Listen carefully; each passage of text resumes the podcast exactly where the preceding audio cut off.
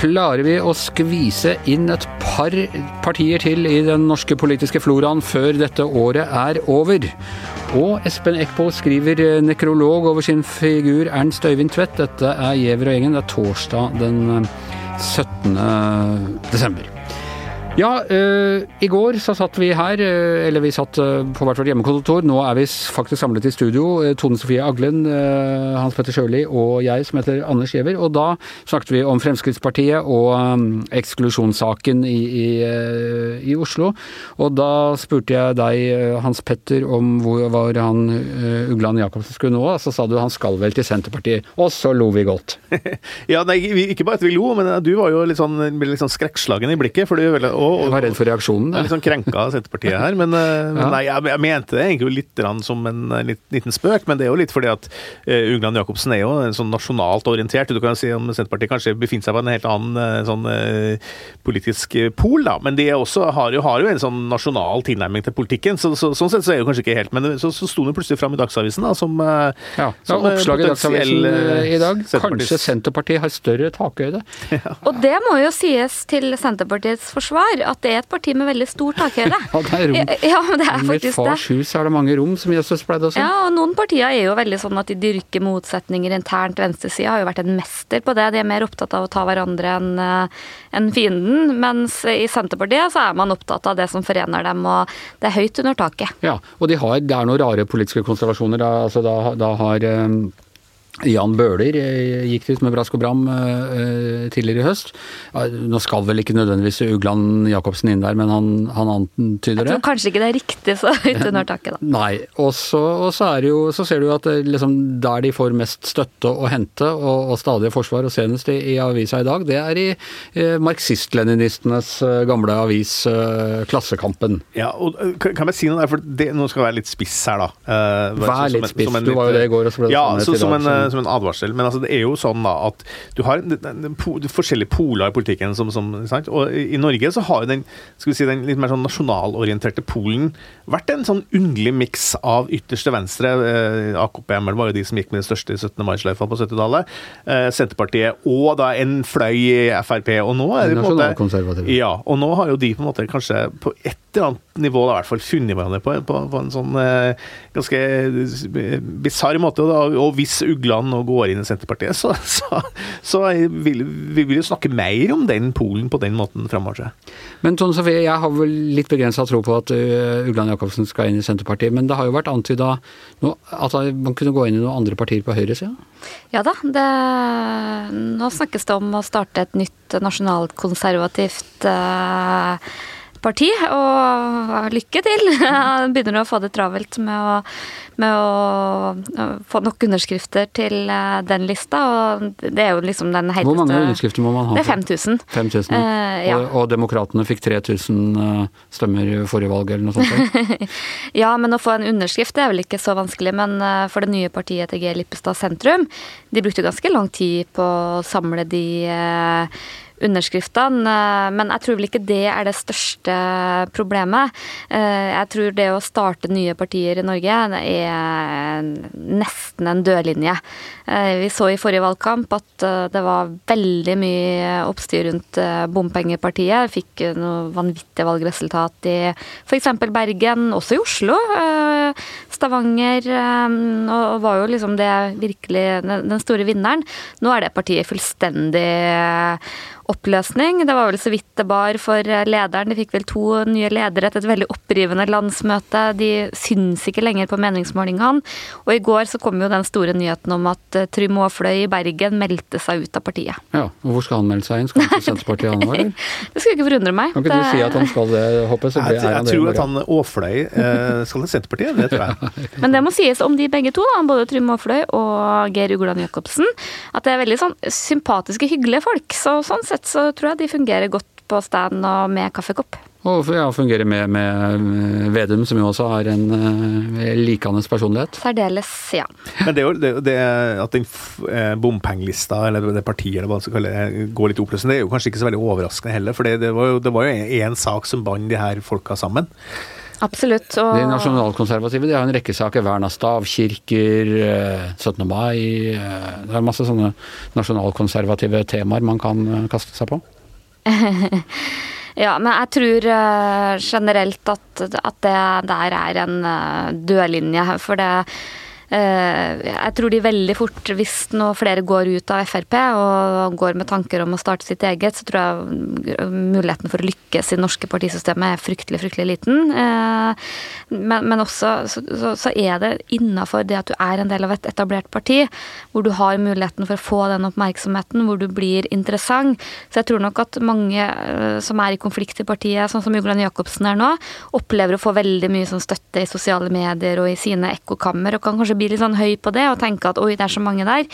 Men jeg tror den dagen de ikke er en del av et viktig parti som Frp er, så blir de ganske uinteressante. Men du har vel et wildcard her, som heter Carl I. Hagen? Altså, det blir veldig spennende å se hvordan Carl I. Hagen, hva, hva, som skjer med han nå. Altså, jo, han er jo fortsatt en slags sånn uh, har jo en slags uh, Han er jo ikke en lederfigur i Frp lenger, men han er jo en slags talisman på en måte likevel. Og hvis, hvis han var hans neste uh, grep nå, det er ganske interessant å se på. ja. Men jeg tror sjøl Carl I. Hagen, som er en så sterk merkevare, og da må vi huske på for, for godt voksne Jeg tror veldig mange i dag under 40 eller 30 har veldig lite forhold til Carl I. Hagen, men jeg tror sjøl han eh, ikke er i stand til å løfte et sånt prosjekt. Og jeg tror også han også kan gjøre seg litt sånn blind på det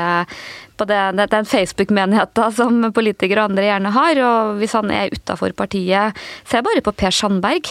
Eh, jeg tror ikke han har noe enkel tilværelse utafor Frp å bli så veldig lytta til. og det, Partiene er særdeles viktige for politikere, rett og slett. Når du sier det, Per Sandberg, skulle ikke han til liberalistene?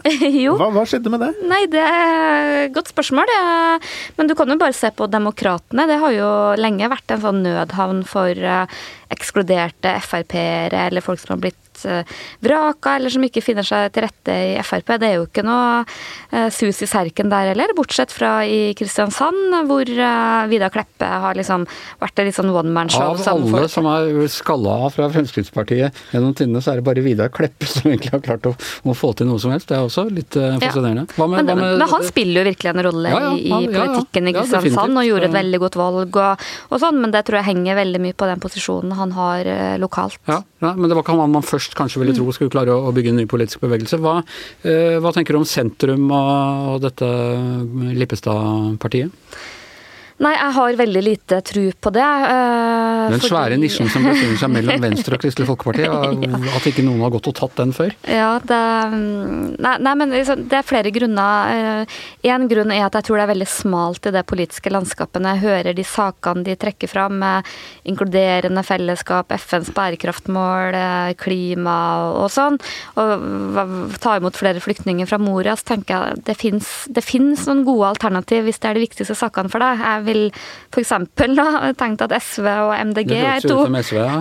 to, gode partier mm. hvis du har den interessen. Men, men, men, det er kanskje mest alvorlige innvendingen min, sjøl om Lippestad er en veldig ålreit fyr som jeg tror mange, mange liker. Eh, så så tror jeg at skal du lykkes i dag, så må du ha et veldig spissa prosjekt. Og jeg tror det er derfor Bompengepartiet klarte å gjøre så godt valg, for det var, det var så konkret, det var så utrolig eh, engasjerende. Jeg tror Hvis jeg skulle anbefale noen i dag å starte et nytt parti, så tror jeg kanskje at jeg ville ha starta Antivindmøllepartiet. For det er en veldig sånn konkret sak som virkelig klarer å mobilisere. Men sånn derre et varmere samfunn med plass til alle og, og sånne ting, det, det, jeg, jeg, tror ikke det er konkret nok, rett og slett. Det er så kynisk, sånn som ja. det er klart folk vil flokke seg til et alle vil ha et varmere samfunn. Det er jo mange partier som starter på den måten her da, med en enpartisak. Så sånn at det er jo det er åpenbart det er veien å gå nå. Anders Langes parti til sterk nedsettelse av skatter og offentlige utgifter? Ja, og SV var jo en sånn eh, antikrigsparti på ikke sant? Så, så, så det, du har jo et sånn eh, Du må starte et sted. Eh, og, og Lippestad-greiene der, det er, så, det er som å ta på sånn skumgummi. Det, er, det, er ikke noe, det er ikke noe kjerne sånn som du bare flokker deg til med en gang. Men det, er, det som jeg syns er interessant, er å at han unge Bondevik, Simen Bondevik heter han, barnebarnet til Bondevik, Eh, Kjell Magne Bondevik, han har blitt leder for sentrum, eh, Unge Sentrum. Eh, og jeg bare merker på, I min Facebook-feed, når jeg merker dem som er litt mer, sånn, litt mer høyreorienterte, de har løfta opp han til å bli en sånn hatfigur. Så kanskje, kan, kanskje han Bondevik kan bli en sånn figur som kan samle ja, en eh, Det hjelper alltid å ha noen sånn litt høylytte motstandere. Ja, Han har jo blitt en sånn maskot for Facebook-Høyre, og jeg kan jo på en måte skjønne det, for han er jo en veldig eksponent for det man kanskje kaller litt sånn politisk korrekte verdier, og og det må jo sies på vegne av oss i media, at han har jo fått eh, spalteplass nok både i KrF-striden og i sin kritikk av eget parti, og kanskje litt hjelp av eh, navnet òg, så det er jo en, Ja, en ung politiker som har, har fått mye plass, da. Han er Ja, en er det norsk Er det ikke snakk om, om barnebarnet til Bondevik, så var det plutselig om sønnen til Bondevik også. Så det Bondevik-navnet trekker fortsatt medieoppmerksomhet. Men samtidig så vil også Jeg tror da hvis ikke sentrum klarer å finne en eller annen gullformular som ikke er helt klarer å se, eh, så, så tror jeg nok at også hans interesse vil forsvinne. For det er jo nettopp som en sånn opposisjonell innenfor KrF som er et regjeringsparti, at han har vært interessant. Eh, du må på en måte ha en plattform som gjør deg interessant for at du i det lange løp skal Ellers så kommer jo ikke folk til å slutt, fortsette å trykke alle kronikkene. Hvis vi skal røpe litt av sånn journalistalkemien, så er det selvfølgelig at hvis du kan ta en som går mot sitt eget parti og heter det samme som en tidligere statsminister, så har du en sak nesten Ja, men, men, men, men eh, det er ikke bare hvordan vi men, eh, tenker, men det er, det er rett og slett for relevansen. For når du ikke er en del av et parti som har makt, så kan du bare kritisere KrF så mye du bare vil, men det spiller liksom ikke så stor rolle. Nei. Så har vi altså da eh, i hvert fall ett parti, eh, MDG, som har klart å bygge seg opp, men, men, det de, de, det har tatt noen år. Det har tatt veldig mange år. eh, Starta vel egentlig sånn sett i Trondheim at de klarte å, Ja. å etablere seg. Altså. Og de, har- det har vært en del av en eh, europeisk bevegelse, så de på en måte har hatt mye drahjelp. De har hatt en veldig konkret og god sak, kanskje den beste saken i, i vår tid, kan man jo på mange måter si. Og det er veldig mange år hvor de har sittet alene, hvor de har sovet på gulvet i barnehager osv. Så, videre, og så, så det liksom det hvor MDG er nå De har jo ennå ikke klart å komme over sperregrensa. Det, det, det har tatt 40 år. Eh, Med fare for å, at vi bare gjentar hele podkasten for i går, for da snakket vi også litt om dette her, men så snakket vi også litt om, om eh, Nissen over skog og hei, og eh, Blackface og Espen Eckbo og, og i det hele tatt. Eh, Espen Eckbo har skrevet en, vil jeg si, eh, nesten rørende eh, nekrolog over sin egen figur eh, Ernst Øyvind Tvedt i, VG i dag, eh, Ja. Det var vi veldig glad for at eh, Espen Eckbo gjorde, for det var en sånn fin måte å runde av en en ganske etter hvert, må jeg bare få lov til å se en litt, litt, altså litt, litt utmattende debatt hvor folk står og roper på hver sin side mot hverandre. Så syns jeg Espen Eckbo summerer det opp på en ganske sånn vakker måte. Hvor han, hvor han viser hvordan sånne, sånne komikere og skuespillere som har forskjellige karakterer, begynner å identifisere seg litt da med de karakterene. og sånn, Vi snakka litt om før vi gikk på studio, så snakket vi litt om, eh, på lufta her, så snakket vi om Kjell Aukrust. Han var en sånn person som plutselig følte at han blei Solan Gundersen og Ludvig. Og, og når jeg leste Espen Eckbo i dag, så, så viser at han har stor varme for eh, Ernst Øyvind Tvedt, som han nå da har eh, rett og slett eh, erklært for at han fins ikke mer. Nei.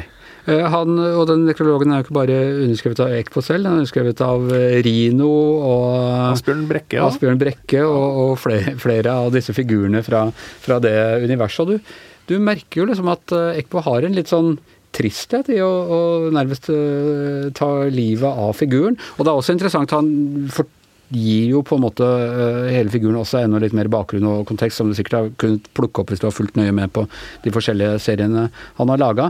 Men eh, da ser du også at dette har jo ikke noe med eh, rasisme å gjøre, sånn sett. Han Nei, nei, eh, Men nå, nå tror jeg ingen som har uh, rettferdigheten er ingen som har sagt at Ekbo har gjort noe rasistisk i den forstand. Altså, han er jo en uh, Espen Eckbo er en utrolig begava komiker. Ja, en utrolig begava skuespiller også.